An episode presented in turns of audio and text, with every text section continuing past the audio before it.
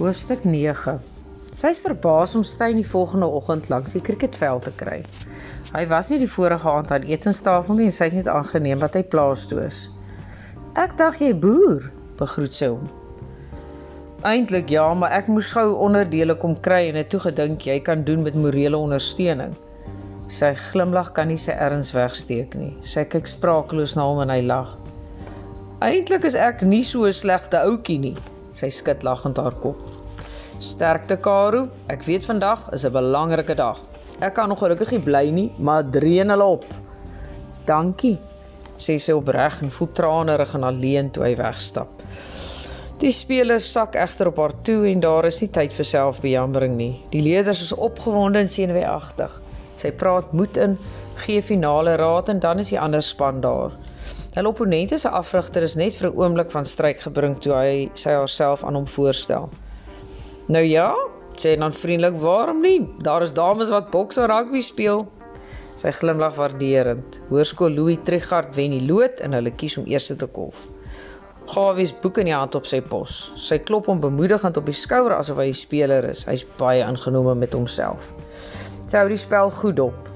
Die veldplasing van haar spelers is nie altyd wat dit moet wees nie, met die gevolg dat die kolwers dit gereeld reg kry om die veldwerkers te vnyk. Sy kan sien dat haar spelers hul beste lewer, maar George as snelbouler word gemis. Kan sy dalk een van die ander in sy plek probeer oplei? Sy skud haar kop. Jy is een of jy is nie. Hulle verloor en toe 'n jubelende wenspan wegry, staan 'n verslae groepie om haar. Uit die hoek van haar oog sien sy meneer Buysna sy huis terugstap sy so gekon sy so gekonsentreer dat sy nie van sy teenwoordigheid bewus was nie. Sy vertrou dat hierdie uitslag nie sy gesindheid heens haar sal verander nie. Sit, beveel sy soos met die oefeninge en soos een man gehoorsaam hulle. Sy kyk hulle een vir een aan. Ek is baie trots op julle, begin sy maar Willem brom onderlangs. Ons het dan verloor. Dis reg ja, maar het julle jul beste gelewer? Ja, koor hulle in sy glimlag tevrede. Dit is wat belangrik is, dat dit julle beste spel was en of julle dit geniet het. Sy hou haar hand op toe hulle begin proteseer. Natuurlik geniet niemand dit om te verloor nie en hulle, sy wys in die rigting waarin die ander span verdwyn het, moenie dink ons gaan dit sommer so aanvaar nie. Dit was maar ons eerste wedstryd. Hulle sal ons nog leer ken. As daar van julle is wat maandag en woensdae in die nette kan kom oefen, ek sal hier wees. Gaan nou en ek wil nie lank gesigte sien nie. Julle het goed gespeel. Hulle was net vandag beter as ons. Die seuns klap spontaan hande, staan op en beweeg in verskillende rigtings. Gawie, sê sy in die verbyloop. Kom jy en jou boek maandag eerste pouse na my klas. Reg, juffrou? En boek onder die arm sit hy die ander agterna. Sy stap stadig terug koshuis toe. Die spannetjie kort net oefening en blootstelling. Jammer dat Pieter ander belange het. Hy's 'n vaardige kolwer. Skielik is hy langs haar. "Juffrou," begin hy onseker. "Ek het gaan kyk, daar's bitter min Saterdag wat ek sal kan help." "Ek verstaan, Pieter," stel sy hom gerus. "Dankie vir vandag. Moenie so bekommerd lyk nie. Ons sal 'n plan maak." Sy kyk hom met 'n swaar gemoed agterna. Sy het beslis probleme, maar sy kan en sal van die ander gebruik wat vandag langs die baan was. Dit help ook nie om aan al die probleme gelyk te dink nie. Sy moet hulle een vir een oplos. In haar woonstel trek sy 'n boek nader en skryf groot voorop cricket. Op die eerste bladsy skryf sy die name van die spanlede neer en maak 'n opsomming van die wedstryd. Sterk en swak punte wat na vore getree word neer eh, getree word neergeskryf. Sy sal haar aantekeninge met die van Gawie vergelyk. So sal sy 'n goeie geheelbeeld kry. Sy sluit af met probleme wat aan dadelik aandag moet kry. Die eerste een is borg twee vraagtekens. Sy ken nie meer die sakelei van die dorp nie. Dinge het baie verander tydens haar afwesigheid. Sy tik tik met die pen op die bladsy, maar kan niks neerskryf nie. Sy sê eers moet uitvind wie in hierdie dorpie nie reeds by die skool betrokke is nie. Thomson wiele dink sy by haarself is natuurlik buite die kwessie. Sy plaas 'n CD in die speler en gaan met die album op haar skoot sit. Betsy is reg. Sy moet dit nie hier laat lê as ander dit mag sien nie. Stadig blaai sy van voor na agter. Toe sy dwarsteer is, bly sy fronsend sit. Blaai vinnig terug na die foto van haar en Steve. Moet sy hom nader? Nee, is haar eerste reaksie. Waarom nie? Betsy het tog gesê hy is nie by die skool betrokke nie.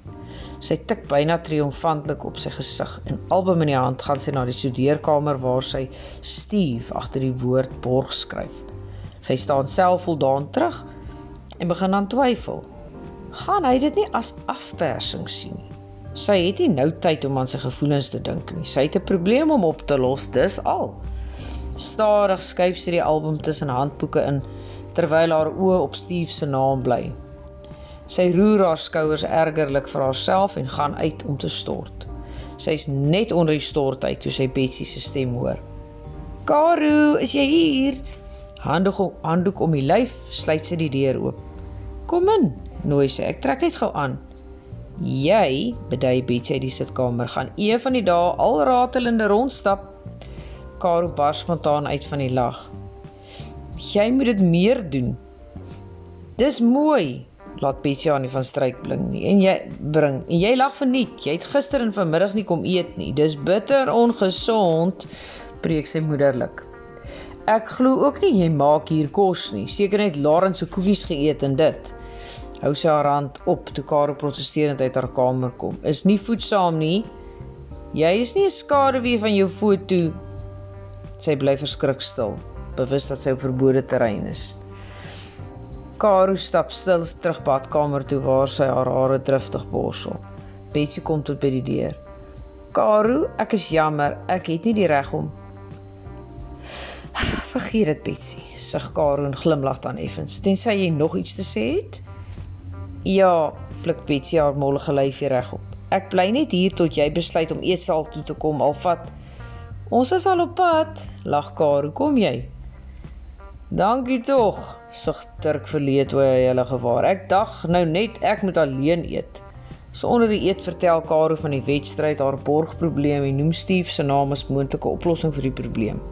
Albei verseker haar dat sy nie daar gaan regkom nie. Baie het al teleurgestel daarom gedraai.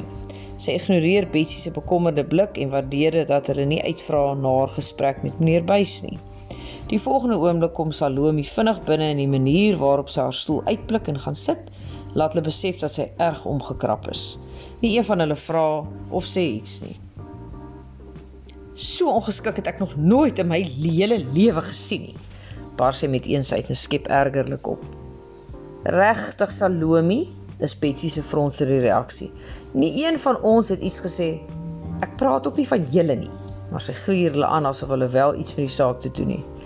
Ek ry spesiaal uit plaas toe om Steyn geselskap te hou, maar ek weet nie hoe alleen dit op die plaas want ek weet hoe alleen dit op die plaas kan wees, maar hy is die heeltyd op windpompe en jaag die plaas vol terwyl ek op die stoep by sy ma moet sit. Karo kan haar ore nie glo nie en Dirk gooi sy kop agteroor en skaterlag. So het sy die besadigde Dirk nog nooit gesien nie. Selfs Bessie se harde stamp kan hom nie tot bedaring bring nie. Ek is bly, sny Salomo se eisige stem deur die lag, dat dit vir jou snaaks is, maar ek is nog nooit so verneder nie. My liewe Salome, glimlag hy. Onthou dat hy nou twee beroepe het. Miskien moet jy maar 'n afspraak maak of wag vir 'n uitnodiging, want hy het nie eintlik die tyd om te kuier nie. Sy verkies om nie die regwysing te hoor nie en haar oë gaan dadelik na Karo wat eet asof sy nie 'n dooie woord gehoor het nie. Blykbaar besef Salome dat dit platant ongeskik sal wees om Karo na haar naweek op die plaas uit te vra en sy swyg nikkerig. Met 'n gevoel wat grens aan bejammering kyk Karo later na Salome. Sy's so mooi. Sy seker daar's baie ander mans wat graag met haar wil uitgaan. Wat is die mens tog altyd geneig om juist dit te wil besit wat buite jou bereik is? Waarom maak kuier sy nie maar by Steven Marsha of die ander vriendinne nie? Sy weet eintlik niks van Salome nie behalwe dat sy haar versier op Steyn het. As ek geweet het wat gaan gebeur, verbreek Salome nog steeds omgekrap die stilte. Het ek saam met die ander na Tsani gegaan en na 'n goeie opvoering gaan kyk. Dis nou die dank vir die feit dat ek my oor Steyn wou ontferm. Ek dink hy sou jou gevra het om te bly as hy jou hier wou gehaat het of het hy? Vererger Betsy Salome se vernedering. Mooi musiek en 'n goeie boek help my baie. Probeer Karo en raas vir Salome in die bresse tree, net omdat sy weet hoe verwerping voel. Sy kry egter 'n vernietigende kyk en Salome verlaat die eetsaal. Hoe is Salome hier te lande gekom? Vra sy aan niemand in die besonder nie.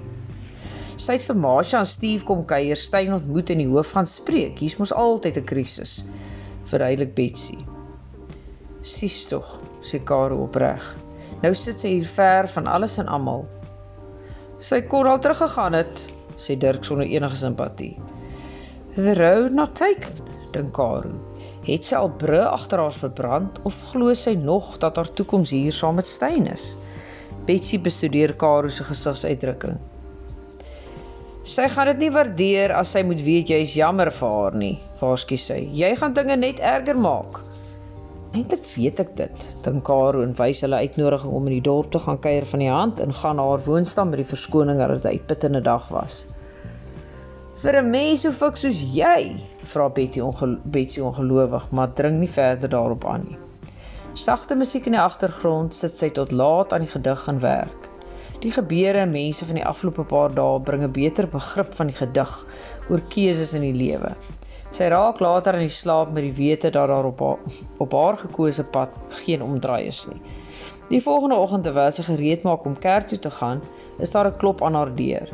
Sy is verras om tant Molly saam met 'n leerder voor haar deur te kry. Tant Molly groet vriendelik en deel haar mee dat almal buite vir haar wag. Almal? Sy gryp in 'n raas na haar boeke. Sy het nie met iemand gereël nie, het sy? Sy stap gedoeye saam asof sy presies weet wat aangaan. Buite wag Betsy en Dirk in sy motor terwyl Stein 'n ou dok vir haar en tant Molly deure van 'n ander voertuig oophou. Moenie so verward lyk nie. Ons het geweet jy sal wil kerk toe gaan. Sy weet beter as om met hom te stry en klim gelate in. Die rustigheid in die kerkgebou vou om haar en die voorsang verdryf alle gedagtes. Sy sit tussen Stein en sy ma en loer kort kort na sy sterk profiel. Met een stamp hy aan haar met die onderlangse bevel om te sing. Soos 'n kind gehoorsaam sy en so helder en suiwer is haar stem dat Stein verbaas ophou om na haar te luister. Nou kry sy die geleentheid om hom te stam te beveel om te sing en Betsy gaan hulpeloos aan die giggel. Gedra julle, kom 'n stem van tant Molly en die jonges glimlag vir mekaar. Die rustige stem van die prediker spoor haar en sy luister met oorgawe. Na kerk verwerp tant Molly haar verskoning van werk met Stein het gesê julle drie kom vandag. Karo kyk agterdogtig na Betsy, maar die vermy haar blik en knik net sedig haar kop instemmend.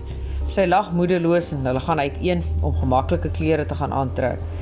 "Onthou jou mondvletjie," hoor sy Stein se stem en knik haar kop sonder om om te kyk. Sy, tant Molly en Betsy rond die ete af, wat tant Molly vroeg die oggend moes begin het. Daar word gesellig om die etenstafel gekuier en later was die vier jonges onder vrolike geskersie skorrelgoed. Ou Dok en tant Molly het gaan lê en hulle vier gaan ry op die plaas rond. Waarom kan elke dag nie so ontspanne wees nie? Wonder Karo en doen lustig mee aan die gesels. Na middagkoffie ry Dirk en Bessie terug om 'n laaste voorbereiding vir die volgende dag te gaan doen. Ons kom later, neem Steyn die besluit uit haar hande en sy's maar te bly om langer in hierdie rustigheid te vertoef. Soos die vorige keer sit hulle vier weer na ete op die stoep terwyl die weemoedige klanke van die mondfluitjie die lug vul. Ek kan hieraan gewoond raak, sug ou dok toe sy ophou. Ek ook, sê Steyn en staan op, maar ons twee moet nou ry. Die juffroukie kan nie te laat in die bed kom nie want sy draf soggens deksels vroeg. Hulle ry in die stilte terug, gemaklik en tevrede mekaar se teenwoordigheid. Jammer oor jou spannetjie, sê hy toe sy uitklim. Dirk het gesê: "Dankie, maar dinge sal regkom." Sy maak sommer in die woonstel vir haar tee. Sy wil die mooi van die dag langer vashou. Musiek in die agtergrond en tee langs haar loop haar gedagtes deur die dag. Dit sal nie so kan voortgaan nie, dink sy onrustig. Wanneer sy en sy moed met die waarheid oor haarself vir die dag kom, gaan alles uitmekaar spat. Hoe gouer hoe beter. Voordat sy geheg te geheg raak aan die mense, aan Stein, erken sy teesinnig. As dit nie reeds te laat is nie, maar sy wil dit self aan hom vertel. Hy moet dit nie uit 'n onsimpatieke oord hoor nie. Sy gooi die koue tee uit met die voorneme om Steve die volgende dag te gaan spreek. Salome is die volgende oggend sonder 'n woord aan die ontbyttafel. Niemand steur hulle aan haar nie en Karo kan nie help ten spyte van Betsy se waarskuwing om vir haar jammer te voel nie. In die personeelkamer is dit 'n ander storie. Salome en haar vriendinne sit fluisterend te gesels en Karo raai dat dit oor Salome se besoek aan die plaas gaan. Weereens wel jammerte in haar op, maar die volgende oomblik vernietig Salome self die gevoel. Toe verloor jou ou spannetjie, spreek sy Karo direk aan. Jy sal nog agterkom dat 'n mens nie wedstryde met tradisies wen nie. Karo is yskoud. Salome het toeskynbaar Saterdag aand by die Thompsons gaan kuier. Nie dat die uitslag van enige wedstryd staatsgeheim is nie, maar dis 'n onregverdige aanval. Solank die seuns net die spel geniet, antwoord sy in 'n neutrale stem. Louis Trichardt was Saterdag die beste span. Jy moet seker baie sleg voel want eintlik is jy vir hulle nederlaag verantwoordelik. Gee mos die sterkste speler die trek was. Toe maar. Ons het haar gister op die plaas so gepamper lank dat sy nie meer te sleg voel nie. Kom dit onverwags doodluiters van Stein. Salome verbleek sigbaar en Karo het lus om hom iets aan te doen. Aan die ander kant het Salome daarna gesoek. Dis onprofessioneel om 'n kollega so in die personeelkamer voor almal aan te vat. Niemand praat nie en alle oë gaan beurtelings van die een na die ander. Meneer Buy stap in en is dadelik bewus van die ongewone stilte en kyk vraend rond. Niemand verskaf egter enige inligting nie en hy gaan voort met die gebruikelike opening. Aan die einde van sy afkondigings rig hy hom tot Karoo. Jou spannetjie het nou wel verloor, maar ek wil jou gelukwens met hulle dapper poging. Ek is seker hulle gaan net al hoe beter word. Dankbaar knik sy net. Juffrou, rig hy hom tot Salome. Jy moet asseblief by my uitkom in verband met die trompoppies. En meneer, ek voel ons dames moet dit oplos. Ons wil u nie nog daarmee ook belas nie. Stribbel sy teen haar vee oor Karo. Karo voel meer as wat sy sien hoe hy hom vererg. Dit is nie die vorige keer. Dit het nie die vorige keer vir my geklink of jy tot 'n vergelyk kon kom nie. Kom spreek my asseblief vandag nog sê met soveel finaliteit dat sy net haar kop styf knik. Karo wag eerste pouse vir Gawie en is verras oor al die fyn besonderhede wat hy aangeteken het. Sy het nie nodig om self te probeer boekhou nie. Hy het selfs die name van Louis Trigard se kolwers neergeskryf en sketsies gemaak om aan te dui waar elkeen sy meeste lopies gemaak het. Op die sketsies kan die kolwers se voorkeurhoue duidelik gesien word. "Gawie, dis briljant," glimlag sy ingenome en hy bloos van plesier. Ons probleem lewer hy kommentaar lê by veldwerk en natuurlik die ehm uh, uh, afwesigheid van 'n snel bowler. Ek weet Gawie sê sy in gedagte met haar oopie sketsies. Ons sal daaraan werk. Ek leen jou boek. Kom haal dit môre en gaan gaan dit saam met Nabil deur, sal jy? Dis reg, juffrou. Sy beantwoord sy groet afwesig met haar oë nog steeds op sy sketse. Hierdie is waardevolle inligting. Sy twyfel of Louis Trigard veel aan 'n wenspan sal verander. Sy en die bowlers kan 'n plan van aksie uitwerk. Daar bil daar bil waar dit vir die kolwer ongerieflik en lastig is. So gedagte is sy dat sy nooit die klok hoor lui en die leerders sien en beweeg nie. George loer vlugtig na die boek in haar hand en dan bring sy stem haar tot die werklikheid terug. Daar jou sketsies gaan nie van 'n swak span 'n wenspan maak nie, sê smalend. My pa sê juffrou kan maar kom gesels as juffrou na Saterdag maar gedagte verander het. Net die woordigheid van die ander leerders keer haar om 'n skerp antwoord te gee. Tog sê sy: "’n Goeie speler kan help, maar onthou een swaaltjie maak nie die somer nie. Dankie vir die aanbod, maar nee, dankie." Hy word rooi en sy draai na die res. Sit almal en uit met julle boeke. Julle skryfstukke is verbeeldingloos. Vandag konsentreer ons op beplanning, logiese verloop en interessante taalgebruik. Onthou dat die beplanning ook ingehandig moet word. Dis verpligtend en verdien ook punte. Sy skakel die trieprojektor aan en aan die hand van 'n voorbeeld op 'n transparant verduidelik sy hoe hulle te werk moet gaan. Sy wys hulle hoe om die skryfstuk volgens die beplanning te doen sodat daar nie probleme met die logiese verloop van gebeure sal wees nie. Daarna moet hulle saamwerk om afgesaagde en oorbekende uitdrukkings te vervang met oorspronklike uitdrukkings of beskrywende woorde. Toe hulle uitstap, voel sy gedreineer, maar tevrede. Sy is verbaas toe George uitstap sonder om haar iets toe te voeg. Tweede pouse sit sy en Stein langs mekaar. Hieraan glimlag sy kan sy nou weer gewoond raak. Bly jy by jou besluit oor George? Wil hy belangstellend weet. Ja, maar dis eintlik sy eie besluit. Ek gaan hom nie soebat nie, sê sy sag. Ek moet jou sê, dit is vir hom 'n groter straf as vir die span. En wanneer sy onbegrypend na hom kyk, verduidelik hy: "Hy is intelligent, maar dink nie dis nodig om akademies te presteer nie, want hy steun op sy pa se geld en aansien. Kriket is egter vir hom ongelooflik belangrik en hy loop nooit 'n oefening mis nie. Dis algemene kennis dat hy vir homself 'n toekoms in kriket sien.